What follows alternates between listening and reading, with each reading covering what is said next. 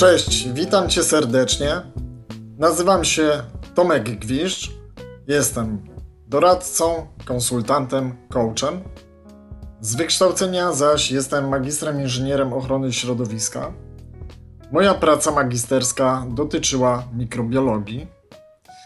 Z zainteresowania zaś jestem praktykiem holistycznych systemów leczenia, takich jak Ayurveda i tradycyjna medycyna chińska.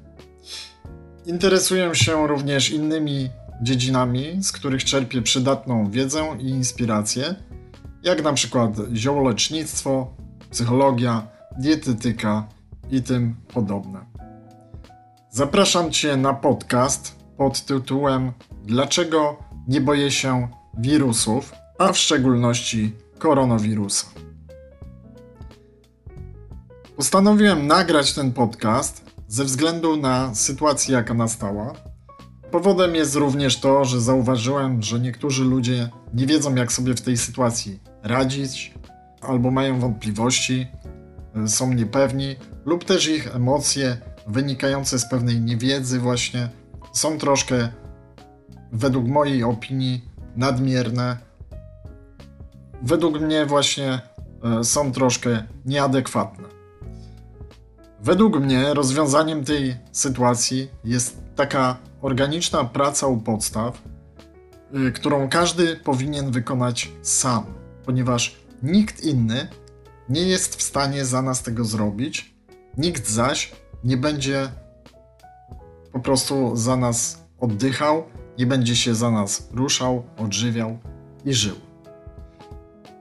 To, o czym tutaj będę mówił, stanowi tylko jakiś wycinek rzeczywistości, ponieważ informacji na temat koronawirusa, na temat tej sytuacji jest coraz więcej, mnożą się różne teorie i nie wiadomo ile jeszcze czasu upłynie, zanim dojdziemy do jakiejś prawdy o tym zjawisku. Prawda, trwają badania, dochodzenia, testowane są lekarstwa, trwają badania nad szczepionkami i tak dalej, i tak dalej. Ale tym się nie będę zajmował. Bardziej chcę się skupić w tym momencie nad rozwiązaniami, chociaż analiza przyczyn mogłaby nam w przyszłości pomóc zapobiegać takim zjawiskom. To, co będę mówił, nie jest też poradą medyczną, dlatego jeżeli będziesz stosował, będziesz stosowała którąś z tych rzeczy, o których mówię, to pamiętaj, że robisz to na własną odpowiedzialność. Ale być może to jest właśnie najwyższy czas, żeby wziąć tą odpowiedzialność za własne zdrowie, do czego Cię zachęcam i chciałbym Cię w tej kwestii zainspirować. Chodzi mi też o to, żeby korzystać z tego, co nam natura dała, co nas otacza, czyli wykorzystywać produkty rośliny, które rosną w pobliżu nas, do tego, żeby poprawiać swoją odporność, żeby zachować swoje zdrowie. Wiadomo, że nie zawsze możemy korzystać z roślin, które są blisko nas, tak, bo często stosujemy rośliny sprowadzane e, z Orientu, na przykład pieprz, goździki, cynamon i tak dalej, ale istnieje bardzo wiele produktów naszych rodzimych, z których możemy skorzystać. Mianowicie ja nie obawiam się tego wirusa jako takiego, ponieważ mam swój system dbania o swoje zdrowie. W ciągu lat wypracowałem swoje strategie. Posiadam właśnie takie strategie dbania o swoje zdrowie, które wypływają z mojego systemu przekonań. Mianowicie jestem przekonany o tym, że możemy być silniejsi niż nam się mówi lub nam się wydaje. Możemy być mądrzejsi, możemy być bardziej zaradni niż nam się mówi, niż nam się wydaje. W związku z tym możemy funkcjonować lepiej w tej sytuacji i możemy być w tej sytuacji bardziej zrelaksowani. Nie musimy się bać o swoje zdrowie, ponieważ będziemy mieli odpowiednią wiedzę, umiejętności i motywację pozwalające nam dobrze sobie radzić z tą sytuacją, czy w tej sytuacji. Osobiście bardziej obawiam się skutków ekonomicznych tych wszystkich działań, które prowadzą do spowolnienia czy też wygaszenia naszej gospodarki. I według mojego przekonania, także według mojej wiedzy i nie tylko mojej, bo na przykład też mówi o tym polski matematyk Krzysztof Szczawiński, który opracowuje odpowiednie modele, na przykład właśnie propagacji zarażeń koronawirusem, że właśnie jedną z metod poradzenia sobie z tą sytuacją jest uodpornienie się populacji na tego wirusa, a chronienie tak naprawdę tylko osób zagrożonych. Czyli zachowujemy odpowiednie środki ostrożności, ale nie jest to przesadne. Nie izolujemy się całkowicie. Prowadzimy normalne życie z zachowaniem pewnych środków ostrożności. Dobra wiadomość jest taka, że koronawirusy nie są dla naszych układów odpornościowych zupełnie czymś nowym, ponieważ występowanie koronawirusów jest powiązane z występowaniem takich chorób jak na przykład zapalenie oskrzeli czy zapalenie płuc. A w przypadku 10 do 15% zakażeń grypowych, według niektórych ekspertów stwierdza się obecność koronawirusów. To, co może wzbudzać nasze obawy, to jedynie to, że jest to jakaś nowa postać tego wirusa, jakaś nowa mutacja. Ja nie będę wnikał tutaj, jakie jest pochodzenie, bo jest wiele różnych teorii.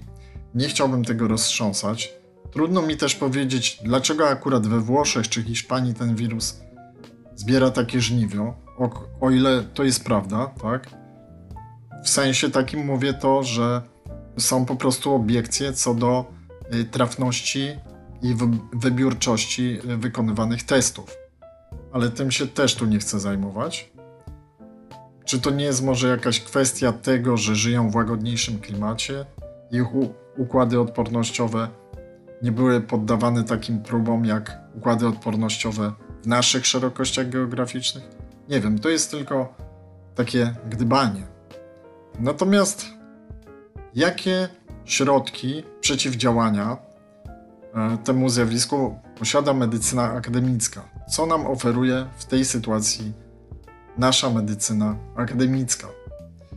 No i tutaj znajdziemy szereg narzędzi, takich jak na przykład respiratory, y, maseczki z tlenem, e, leki przeciwwirusowe, na przykład e, hydrochlorkina, e, ten lek przeciwmalaryczny czy jego pochodna, leki przeciwgorączkowe, wykrztuśne, środki dezynfekcyjne, ubrania ochronne itd. Tak Wszystko to, co pomoże nam przetrwać tą infekcję i usunąć jej skutki. Pracuje się też nad nowymi lekami i szczepionkami. No i właśnie teraz chciałbym się odnieść do kwestii szczepionek.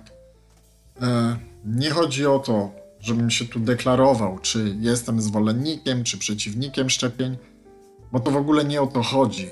Uważam, że do takich spraw należy podchodzić racjonalnie. Natomiast chciałbym się odnieść do tego konkretnego przypadku, e, przypadku koronawirusa. I w ogóle chciałbym odnieść się do tego, jaka jest funkcja szczepionki.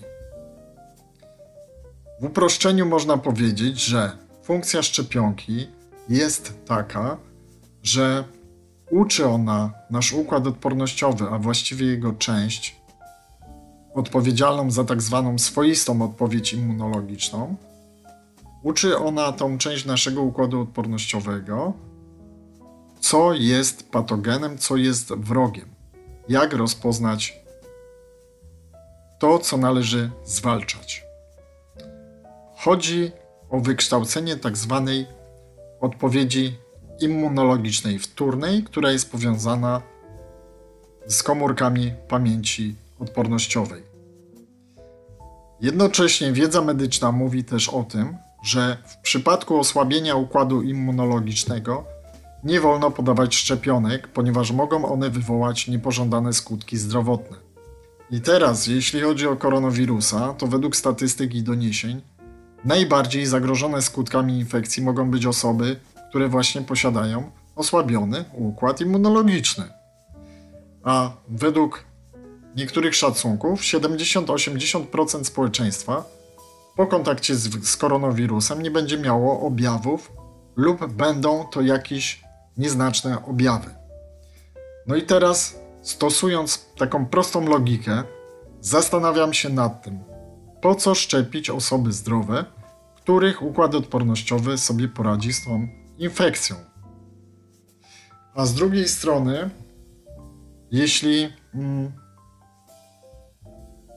zaszczepimy e, osoby z osłabionym układem immunologicznym, no to jest to pozbawione sensu i może być dla nich szkodliwe.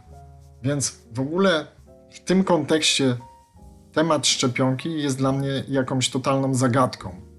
I ja tutaj z tego za bardzo nic nie rozumiem. Może ktoś mądrzejszy mnie oświeci.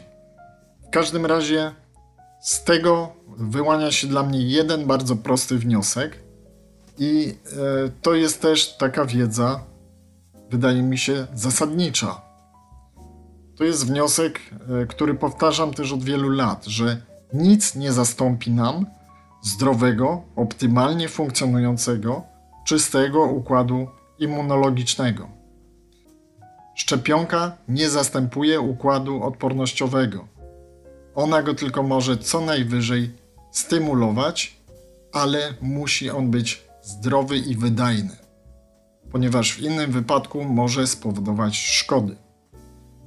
Dlatego moja strategia i to, co ja polecam, to jest strategia wzmacniania swojego układu odpornościowego. Zatem, czym jest odporność? Odporność to jest zespół mechanizmów organizmu mających zdolność odróżnienia obcych cząsteczek, antygenów tzw., tak od elementów należących do naszego organizmu. Jej rolą układu odpornościowego jest wywołanie odpowiedzi immunologicznej w celu unieszkodliwienia i usunięcia antygenów z organizmu. W ten sposób zwalczana jest choroba. Kluczową rolę w funkcjonowaniu układu odpornościowego odgrywają limfocyty, czyli komórki broniące organizm przed patogenami i zwalczające je. Im więcej limfocytów i im sprawniej działają, tym podatność na choroby jest mniejsza. Oczywiście tylko do pewnego poziomu, ponieważ wszystko musi być w równowadze. Zbyt duża liczba limfocytów też nie będzie zdrowa, może wywoływać, prowadzić do chorób autoimmunologicznych. Aby cieszyć się dobrym zdrowiem, musimy zadbać o swój układ pokarmowy ponieważ to właśnie w jelitach zlokalizowane jest około 70-80% tkanki tzw. Tak limfoidal, limfoidalnej. E, to ta tkanka produkuje limfocyty, e, które bronią nas przed chorobami. Oznacza to, że w przewodzie pokarmowym mieści się około 80% układu odpornościowego i tam odbywa się 80% walki z patogenami. Wzdłuż całego jelita znajduje się właśnie tkanka limfatyczna, różne tak zwane grudki limfatyczne rozproszone, chłonne oraz grudki limfatyczne skupione, tak zwane pęczki, czy też inaczej zwane kępki Peyera.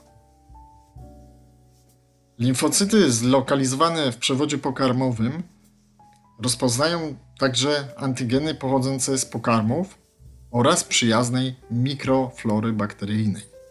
Dlatego właściwy skład tej flory warunkuje prawidłowe działanie systemu odpornościowego.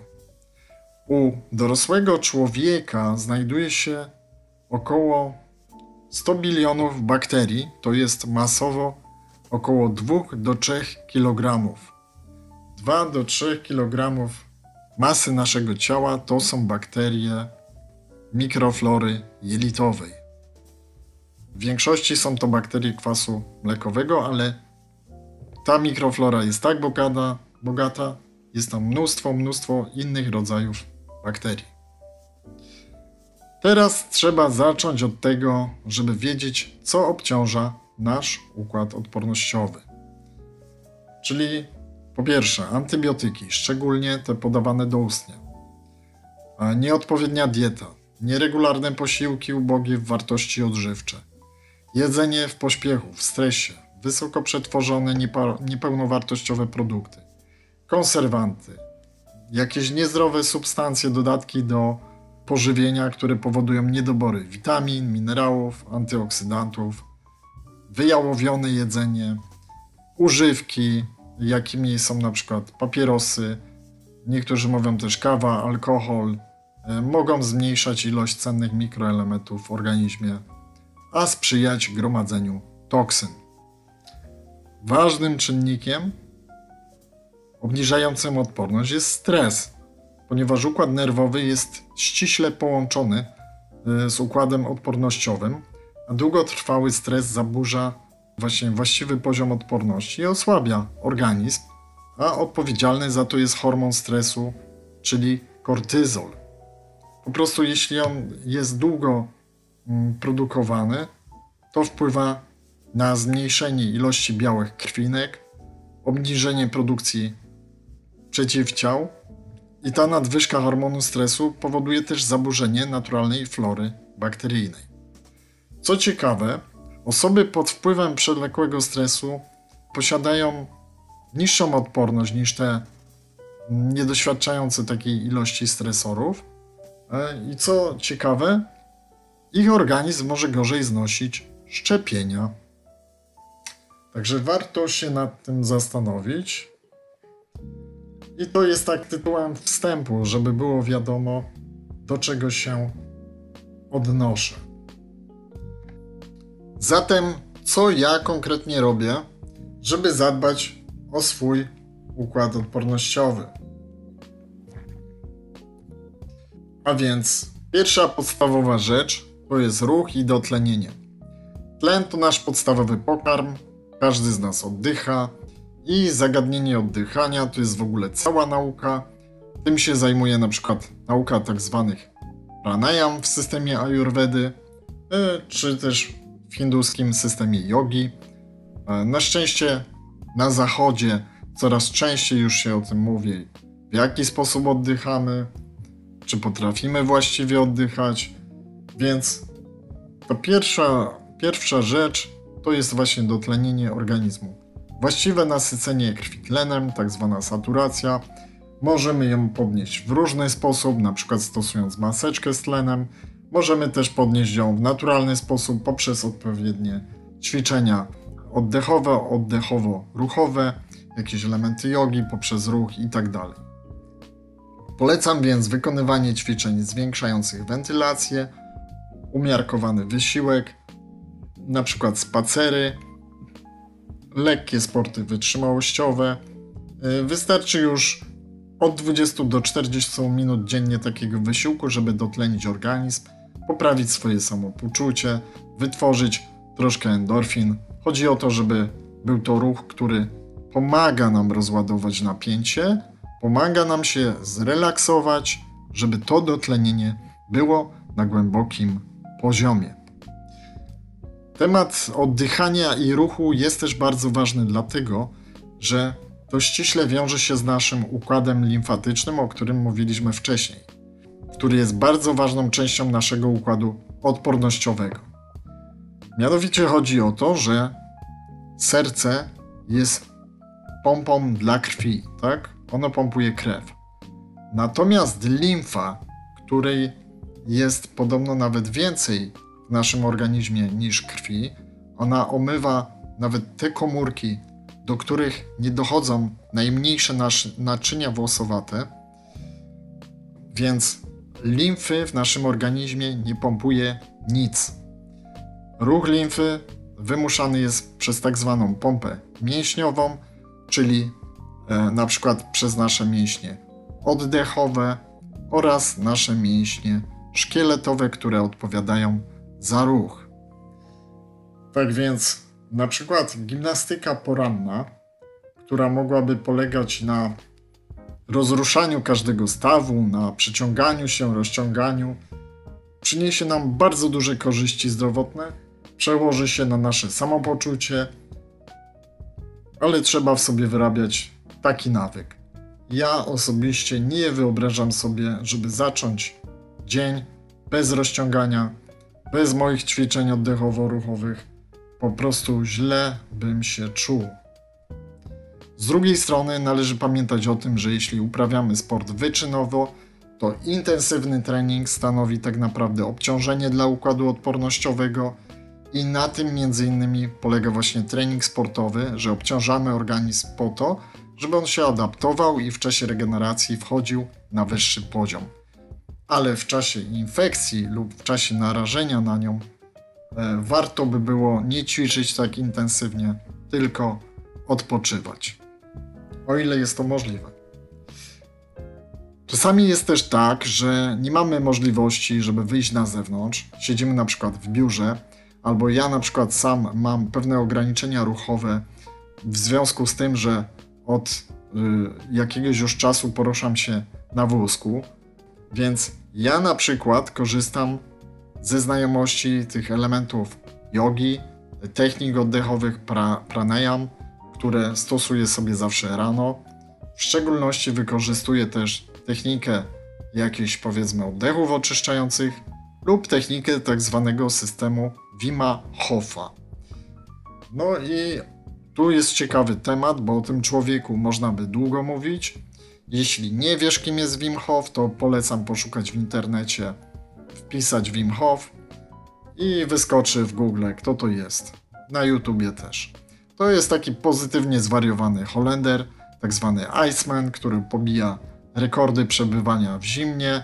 Głównie to są jego rekordy, które pobija. Który w samych gaciach i butach próbował wyjść na Mount Everest, co mu się nie udało, no ale osiągnął i tak pułap 6700 metrów, co jest nie lada wyczynem. Na Kilimandżaru wyszedł pół nagi, czy praktycznie nagi dwa razy, również ze swoimi uczniami. No i pobija liczne inne rekordy, głównie swoje dziwne rzeczy takie robi ciekawe. Po prostu jest to, co on pokazuje, jakie są możliwości ludzkiego organizmu, przekracza trochę nasze wyobrażenia. W każdym razie, tak czy inaczej, ten człowiek udowodnił, że poprzez odpowiednie techniki oddechowe, nastawienie umysłu można podrasować swój układ odpornościowy.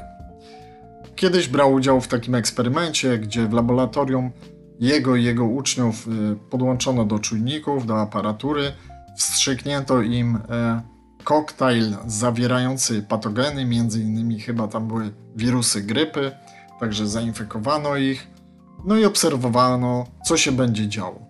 Więc po kilku, kilkunastu minutach zaczęły występować objawy infekcji, no i chłopaki wzięły się do roboty, zaczęli stosować techniki oddechowe, koncentrację tak dalej, i okazało się, że ich organizmy zaczęły wracać do normy, temperatura zaczęła się normować, zaczęła spadać, organizmy zaczęły wracać do równowagi. Tak więc też czasami korzystam z tej techniki głównie po to, żeby poprawić sobie samopoczucie, ale to pokazuje, jakie ciekawe właściwości tak naprawdę ma każdy z nas. Jeśli chciałbyś się dowiedzieć na ten temat czegoś więcej, żebym Ci objaśnił jakieś niuanse, to zapraszam Cię na konsultację. Ważne też jest tutaj taka dykresja moja, że bardzo ważne jest wysypianie się, unikanie tego przewlekłego stresu, ale to już jest temat takiej higieny psychiczno-emocjonalnej bardziej i może jest to temat w ogóle na inne nagranie. Teraz coś bardziej w kontekście układu pokarmowego i odżywiania. Skoro układ pokarmowy, to i zdrowa flora bakteryjna, tak? Tak jak powiedziałem, jest to związane z tą nieswoistą odpowiedzią immunologiczną. I tam już mówiliśmy, że właśnie to jest to 70-80% odporności znajduje się w naszych jelitach. Mówiliśmy o tej masie flory bakteryjnej, czyli po prostu nasz brzuch, nasze jelita. Okazuje się, że to jest taki mały bioreaktor, w którym zachodzą cały czas procesy biochemiczne. Flora bakteryjna nie tylko odpowiada za odporność, ale także za wytwarzanie pewnych substancji, których nie dostarczamy wraz z pożywieniem. Na przykład część witamin z grupy B, witamina K, pewne neurotransmitery, jak na przykład serotonina, są wytwarzane przez tą florę. Dlatego czasem się mówi, że jelita, brzuch to jest nasz drugi mózg. Flora bakteryjna też poprawia przyswajalność niektórych składników odżywczych, odżywia komórki jelit za pomocą swoich metabolitów, no i właśnie hamuje rozwój patogenów. Teraz ważna rzecz, jak zdiagnozować to, czy mamy zdrową, czy niezdrową florę bakteryjną. No możemy iść do lekarza i zrobić szereg badań, ale możemy to zrobić też w trochę prostszy sposób, taki domowy. I to, to, to, jest, y, to jest taka pierwsza rzecz, która nam się może rzucać w oczy. Może niektórych to zbulwersuje, może niektórzy będą zniesmaczeni. Jeżeli jesz teraz jakiś posiłek, to może przestań. No ale prawda jest taka, że trzeba przyjrzeć się temu, co zrobiliśmy w toalecie. Po prostu pooglądać swoją kupę. Jak to powiedział klasyk, mamusie oszukasz, tatusia oszukasz, ale życia nie oszukasz. Tak? Pamiętacie? Pamiętacie klasyka, tak, z filmu? I teraz tak.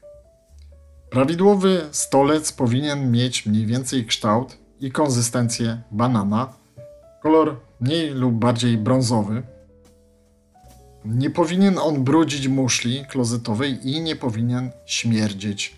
Tak, to jest ciekawe, bo większość, e, większości z nas się wydaje, że w toalecie to musi brzydko pachnieć. No, jest to nieprawda.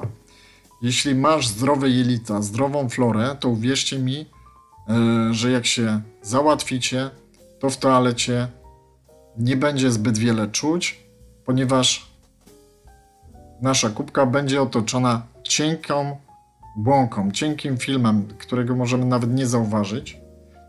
Bo tak naprawdę to wszystko to są przetrawione resztki pokarmu, żółć, pewne substancje, które tam powstały i bakterie. Więc jeśli twoja kubka śmierdzi, brudzi muszle, kleista jest, czy już nie mówię, że jest jakaś płynna, jeśli masz wzdęcia, jeśli coś się co chwilę przelewa w twoim brzuchu, no to coś jest nie tak w twoim bioreaktorze. Coś jest nie tak z twoją florą. Ważna jest też liczba wypróżnień, czyli nie powinna ona przekraczać 3 dziennie, bo inaczej jest to już biegunka. I nie rzadziej niż 3 razy w tygodniu, bo inaczej jest to tak zwana obstrukcja, zaparcie. To są takie ogólne wskaźniki, które mogą nam pokazać, co się dzieje, czy wszystko w tych naszych jelitach jest ok. Tak więc tutaj pojawi się zagadnienie uzupełnienia tej mikroflory poprzez uzupełnianie na przykład w postaci suplementów, probiotyki tak zwane, lub kiszonek. Ale probiotyki no tu trzeba wiedzieć, co wybrać, bo na rynku jest tego bardzo dużo. Trzeba wybrać dobrej jakości probiotyki, takie, które dobrze zasiedlają nasze jelita. One nie zawsze są najtańsze, ale one działają, to mam sprawdzone. Lub można też uzupełniać ją w postaci kiszonek. Proszę pamiętać, że mm, probiotyki, kiszonki mają chłodną naturę, więc jeśli chcielibyśmy otrzymać bardziej zrównoważony produkt, to należy e, przed procesem kiszenia dodać e, produktów o rozgrzewających właściwościach, czyli na przykład czosnek, chrzan czy koper włoski.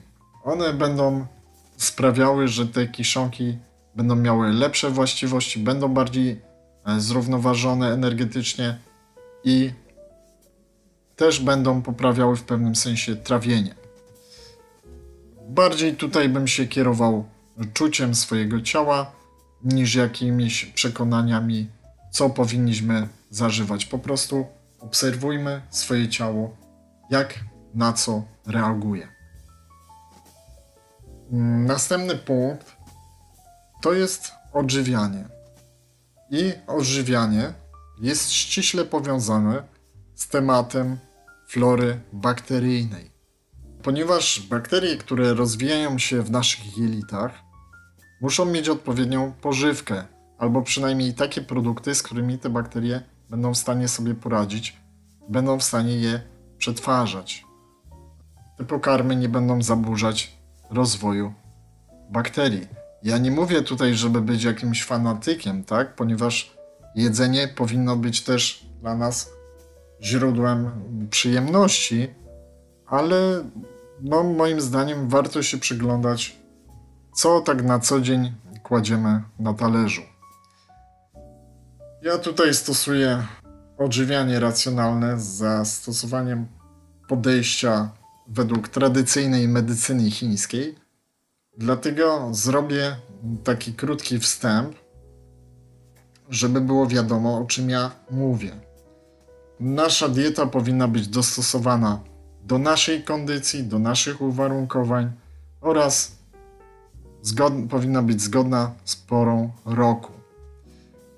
E, w uproszczeniu mogę powiedzieć, że tradycyjna medycyna chińska jest systemem empirycznym, opartym na doświadczeniu, jednak ujętym w ramy teoretyczne. Posiada swoją logikę, występują tutaj związki przyczynowo-skutkowe i doświadczony terapeuta stosujący właściwą diagnozę może przewidywać dalszy rozwój symptomów z dużym prawdopodobieństwem. Może też dobrać skuteczne środki zaradcze, jak na przykład dieta, zioła czy odpowiednie zabiegi typu masaże, akupunktura czy moksa. System ten posługuje się pojęciami, które są dla nas Europejczyków niezrozumiałe albo mało zrozumiałe, przynajmniej w pierwszym momencie, natomiast one mają znaczenie y, praktyczne dla terapeuty. W związku z tym, że kiedyś no, nie dysponowano mikroskopami laboratoriami, praktycy tego systemu nie wyróżniali poszczególnych drobnoustrojów. Natomiast to, co mogli zaobserwować, to były pewne reakcje organizmu, pewne syndromy. Dlatego oni posługują się pojęciem syndromów. System rozpatruje procesy na poziomie wymiany masy i energii, dlatego produkty klasyfikuje się tutaj właśnie te produkty żywnościowe, zioła, substancje lecznicze. Klasyfikuje się ze względu na termikę, kierunek działania, y, inaczej można powiedzieć powinowactwo do danego narządu, ale narządu rozumianego jako nie tylko obiekt fizyczny, ale także jako funkcję. A to jest już szersze pojmowanie. I teraz, dlaczego jestem zwolennikiem takich metod? Dlaczego akurat właśnie tradycyjna medycyna chińska? Mogłaby być też Ayurveda, ale akurat właśnie z tradycyjną medycyną chińską miałem jakoś po drodze i miałem styczność przez dłuższy czas, więc znam ją lepiej i mogę tutaj coś więcej powiedzieć. Ale właściwie dlaczego skłaniam się ku takim rozwiązaniom? Mianowicie powód jest taki, że te systemy posiadają wypracowane odpowiednie metody diagnostyczne, które z pozoru wydają się proste i dają stosunkowo szybką odpowiedź doświadczonemu terapeucie, sporo użytecznych informacji w bardzo krótkim czasie. I tak jak powiedziałem, te metody wydają się proste, jednak one nie są takie łatwe do opanowania, ponieważ wymaga to czasu i praktyki. Ale żeby móc skutecznie leczyć, aby móc skutecznie stosować odpowiednie produkty ziołowe, leki, należy dysponować właściwym rozpoznaniem, właściwą diagnozą, bo tylko wtedy można z powodzeniem pomóc pacjentowi a w każdym razie na pewno nie zaszkodzić. W tych systemach stosuje się diagnozę z pulsu, z języka, czasami irydologię, czyli z oczu, z wyglądu twarzy, z wywiadu z pacjentem, to jest ważna część z rozmowy, z diagnozy palpacyjnej polegającej na uciskaniu określonych punktów na ciele pacjenta. Taka diagnostyka jest szybka, ale też przede wszystkim tania. E, dlatego ona mogłaby być z powodzeniem stosowana na pierwszym etapie badania pacjenta, na, na przykład gdyby stosowano ją w medycynie integracyjnej, czyli łączącej medycynę właśnie tą nowoczesną z medycyną tradycyjną. Oczywiście nic nie stoi na przeszkodzie, żeby później przeprowadzić dalsze badania.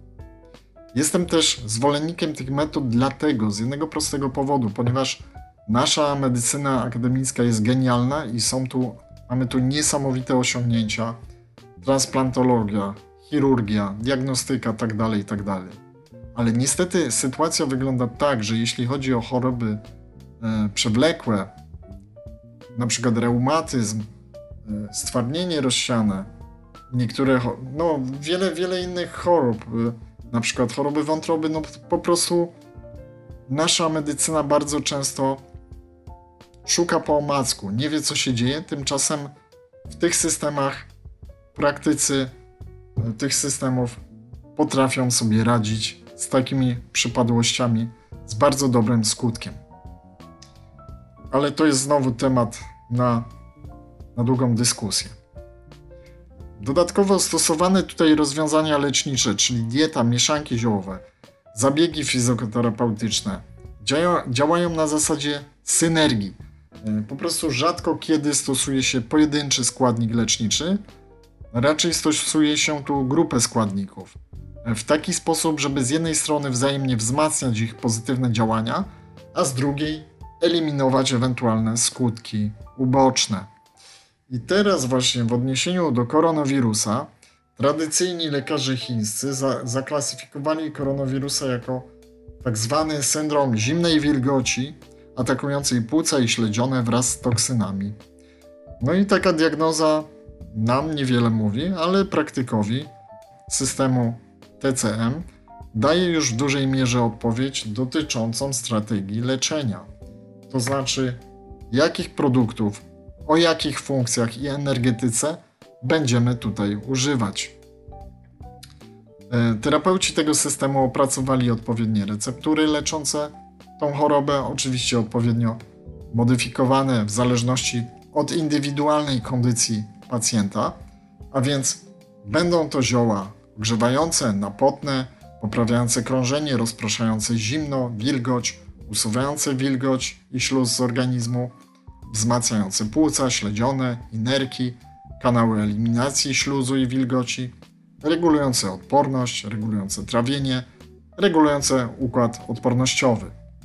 Oczywiście w niektórych przypadkach może wystąpić tak zwana gorąca wilgoć, będą stosowane wtedy inne zioła, czy w razie występowania wysokiej gorączki będą zioła również redukujące temperaturę. To jest tutaj całe zagadnienie. Tak, i skoro teraz tutaj jest zimna wilgoć, tak, atakująca płuca śledzione, no to trzeba unikać produktów takich, które tą wilgoć, ten, ten śluz produkują. Czyli unikamy produktów mlecznych, w szczególności zimnych produktów mlecznych, serów, jogurtów. Tak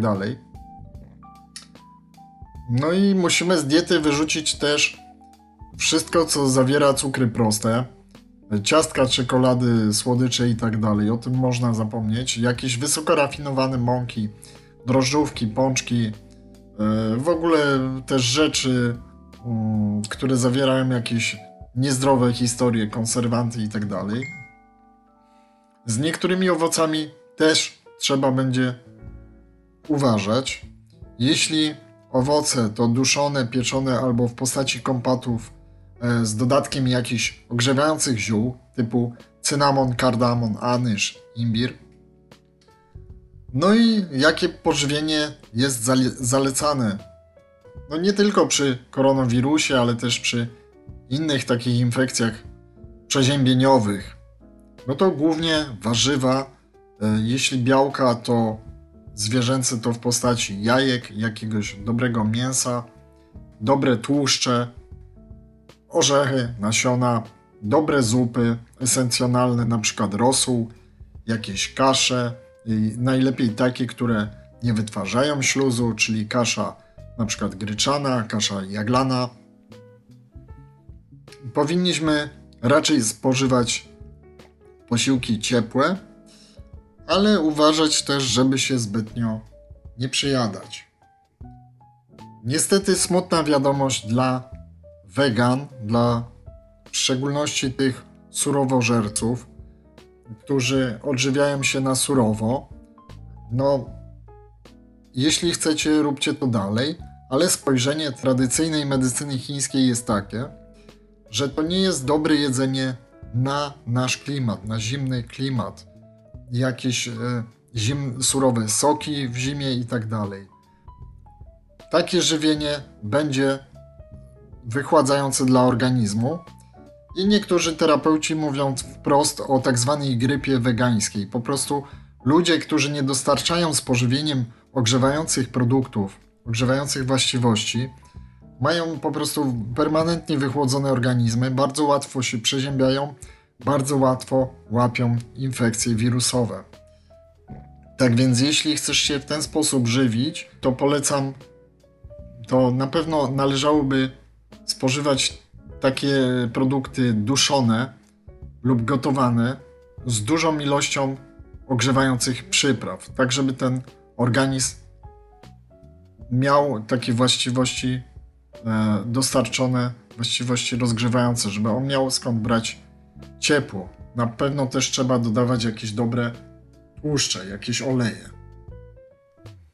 Ja nie chcę tutaj zaburzać czyjegoś systemu przekonań, więc jeśli się ze mną nie zgadzasz, to nie ma problemu, ale jeśli w jakiś sposób się to pokrywa z Twoim doświadczeniem i ma jakiś sens, to może warto byłoby to wziąć pod rozwagę. Teraz następny punkt to stosowanie ziół. W jakim celu ja stosuję zioła? Nie są to jakieś przypadkowe zioła, ale konkretne, które mają adekwatne zastosowanie w danej sytuacji. Mianowicie stosuję zioła w profilaktyce, aby utrzymać swoje ciało w optymalnej kondycji. Wykorzystuję je również w kuracjach oczyszczających, a także do leczenia różnych dolegliwości, np. przeziębień, infekcji górnych dróg oddechowych, jakichś dolegliwości układu pokarmowego czy innych. E, oczyszczenie naszego organizmu za pomocą ziół to również wzmacnia naszą odporność, przygotowuje nasze wewnętrzne środowisko w odpowiedni sposób. Tworzymy w ten sposób warunki, które są niesprzyjające do rozwoju mikroorganizmów. Oczyszczeń dokonujemy na wiosnę i jesienią. W odpowiednich porach roku oczyszczamy organizm, w odpowiednich odżywiamy, zgodnie z cyklem biologicznym. Chodzi o to, o taką prostą rzecz, że jeśli mamy nadmiar śluzu e, w organizmie, to on działa trochę jak pożywka i jednocześnie klej dla drobnoustrojów. Natomiast jeśli organizm mamy czysty, nasze arterie są czyste, układ limfatyczny jest oczyszczony, no to wtedy one nie mają tych warunków do rozwoju. Dodam, dodam tutaj e, taką uwagę, że praktycznie po każdej e, infekcji, takiej większej, znaczy takiej zauważalnej, powinniśmy zrobić kurację oczyszczającą układ limfatyczny, ponieważ po infekcji zawsze zostają jakieś odpady, toksyny, resztki. Jeśli one się będą gromadziły latami, to ten układ może stać się po prostu niewydolny.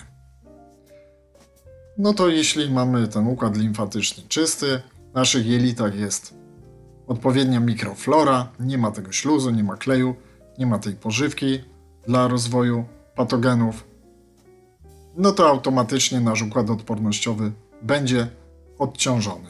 Tak, jeśli mamy oczyszczoną też wątrobę, nerki i tak dalej, to wtedy organizm łatwo sobie będzie radził z ewentualnymi infekcjami.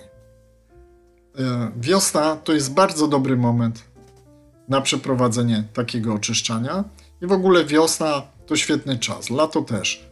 To jest świetny czas, to jest okres obfitości. Po prostu wychodzę za dom i mam szwedzki stół.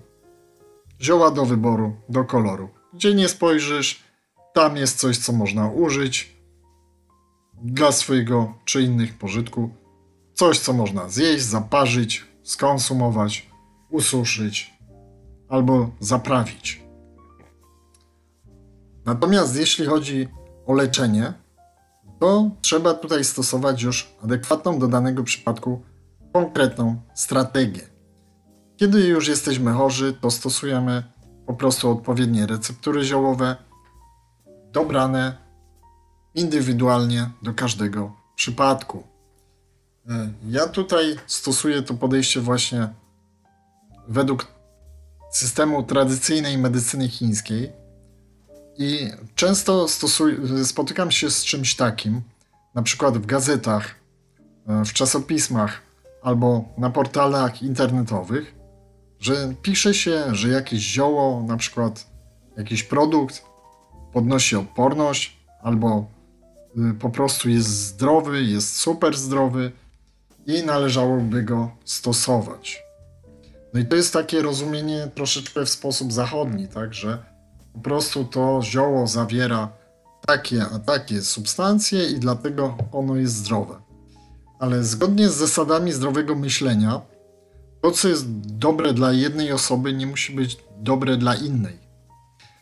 Dlatego tradycyjna medycyna chińska umieszcza takie zioło w pewnym określonym kontekście i dopiero wtedy ma sens jego zastosowanie. Dam tu przykład zielonej herbaty, albo dajmy na to sałata, tak? Jest zdrowa.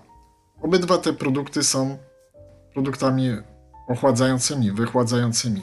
Więc zalecanie tych produktów osobie o słabej konstytucji, wychłodzonej, bez odpowiedniego przygotowania, będzie tej osobie długoterminowo szkodziło. Nie będzie dla niej to zdrowe, i dla takiej osoby należy zalecić inne produkty, tak? Odżywiające, rozgrzewające, poprawiające krążenie krwi.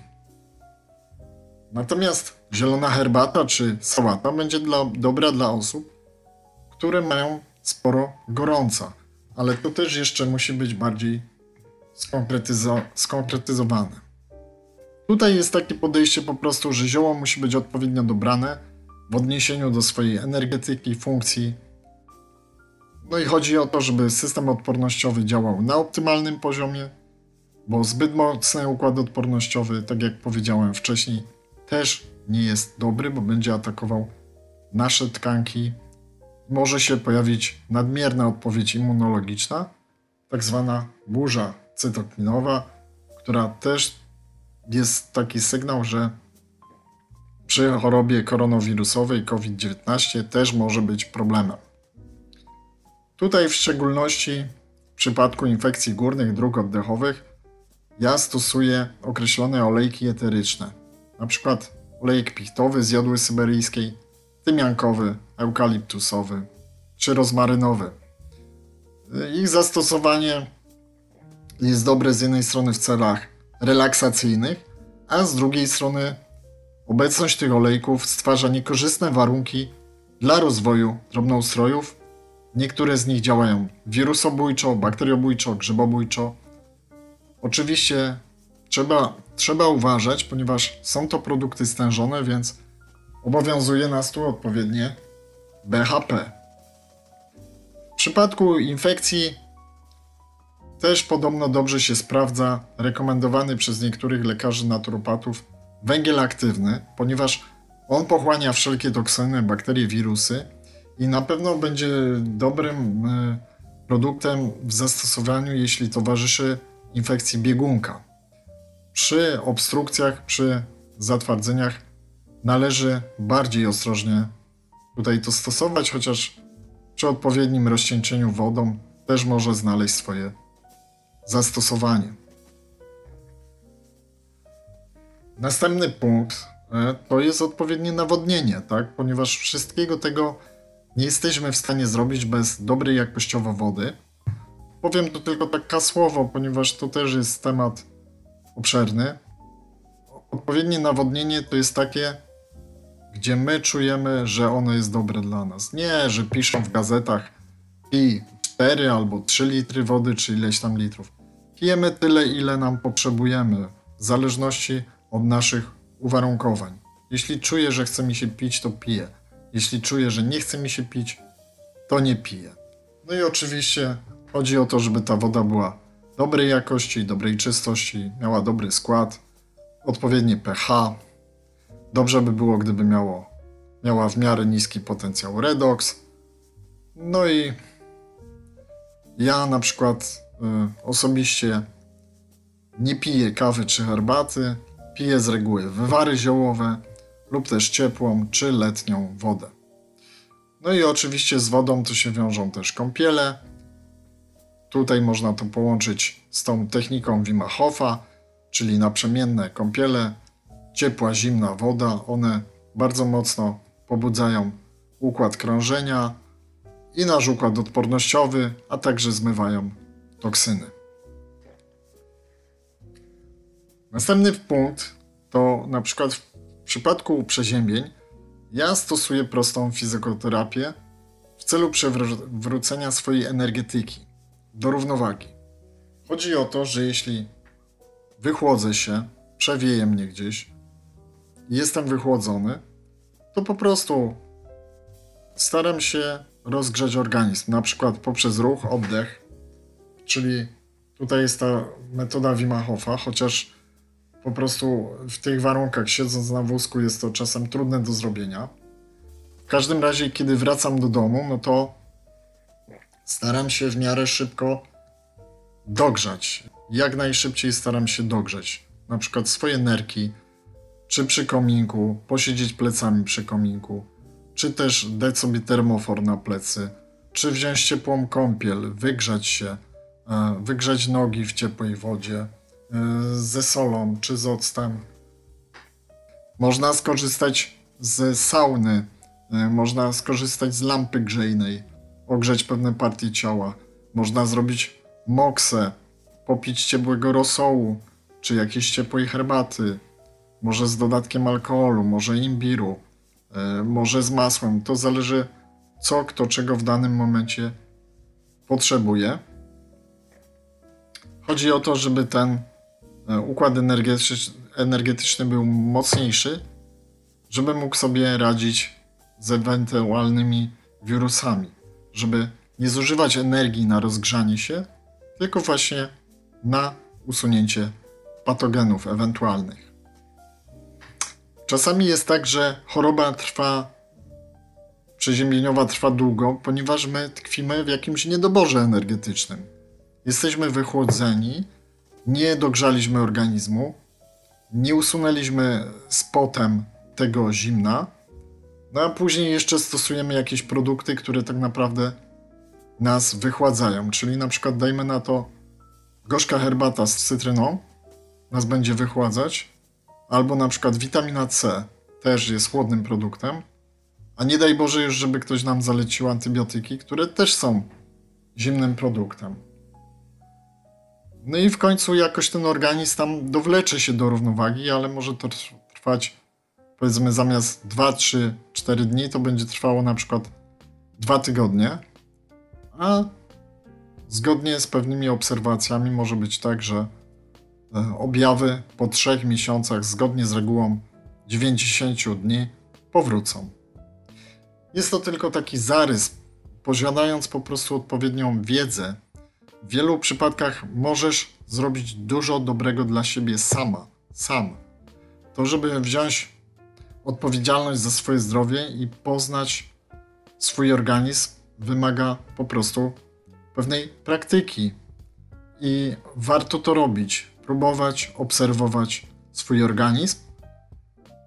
Natomiast wiadomo, w bardziej złożonych zagadnieniach polecam udawać się do lekarza czy też wykwalifikowanych terapeutów a najlepiej gdyby to był lekarz medycyny integracyjnej, który łączy obydwa podejścia.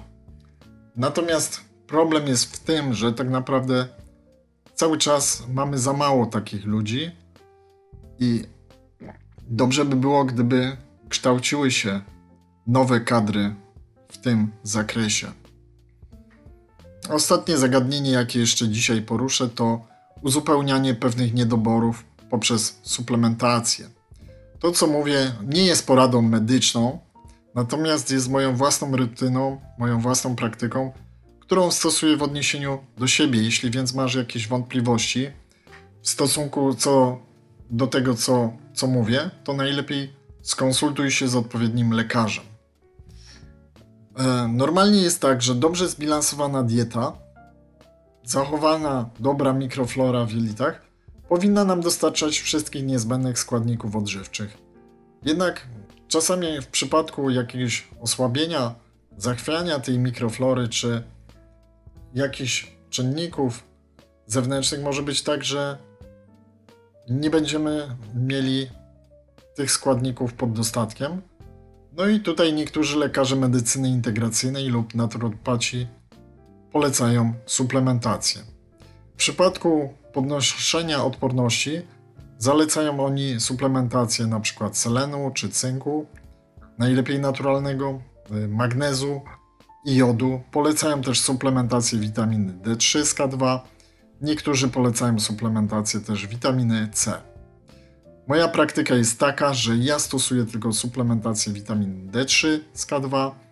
Y, jest to naturalna witamina, ponieważ z racji mojego stanu stosunkowo mało w szczególności zimą, e, w okresach zimowych, chłodnych, stosunkowo mało wychodzę na słońce.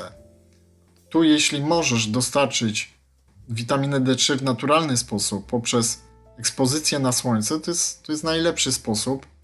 I ja taki sposób Ci polecam, ale jeśli nie jest to możliwe, no to warto by wtedy zbadać sobie wskaźnik poziomu witaminy D, udać się do lekarza, zrobić takie badania, niech on zleci. No i wtedy trzeba suplementować. Według pewnych badań,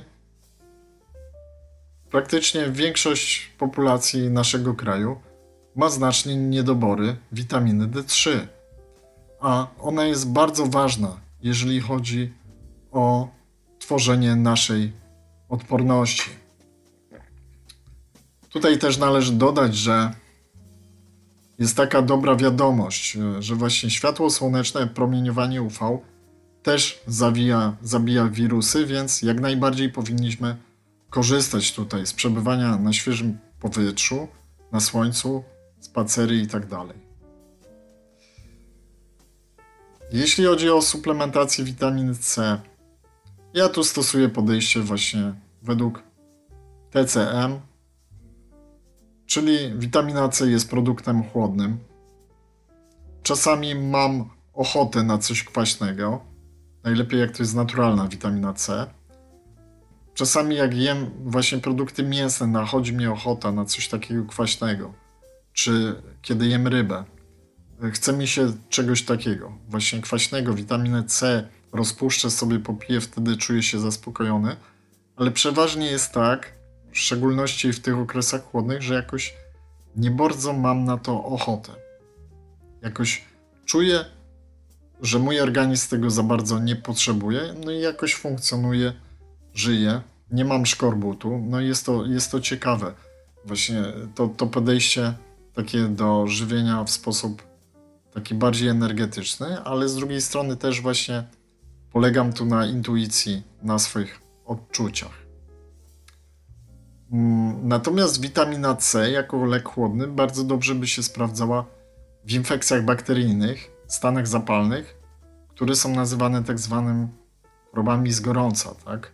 No tutaj też chodzi o odpowiedni kontekst, ale w uproszczeniu to daje mi pewne zrozumienie, dlaczego na przykład przy sepsie to może być sensowne, ale przy, przy przeziębieniu, przy infekcji wirusowej może niekoniecznie ale to jest tylko moje spojrzenie, to jest taka, to jest taki mój własny wniosek. Jeśli się z tym nie zgadzasz, to ok, weź tylko to, co do ciebie pasuje. Sporadycznie też suplementuję magnez, bo raczej wszystkiego dostarczam z pożywieniem oraz jod, ale jod to tylko w postaci soli jodowo-bromowej, którą stosuję do kąpieli. Po prostu niech on się wchłania przez skórę, przez drogi oddechowe.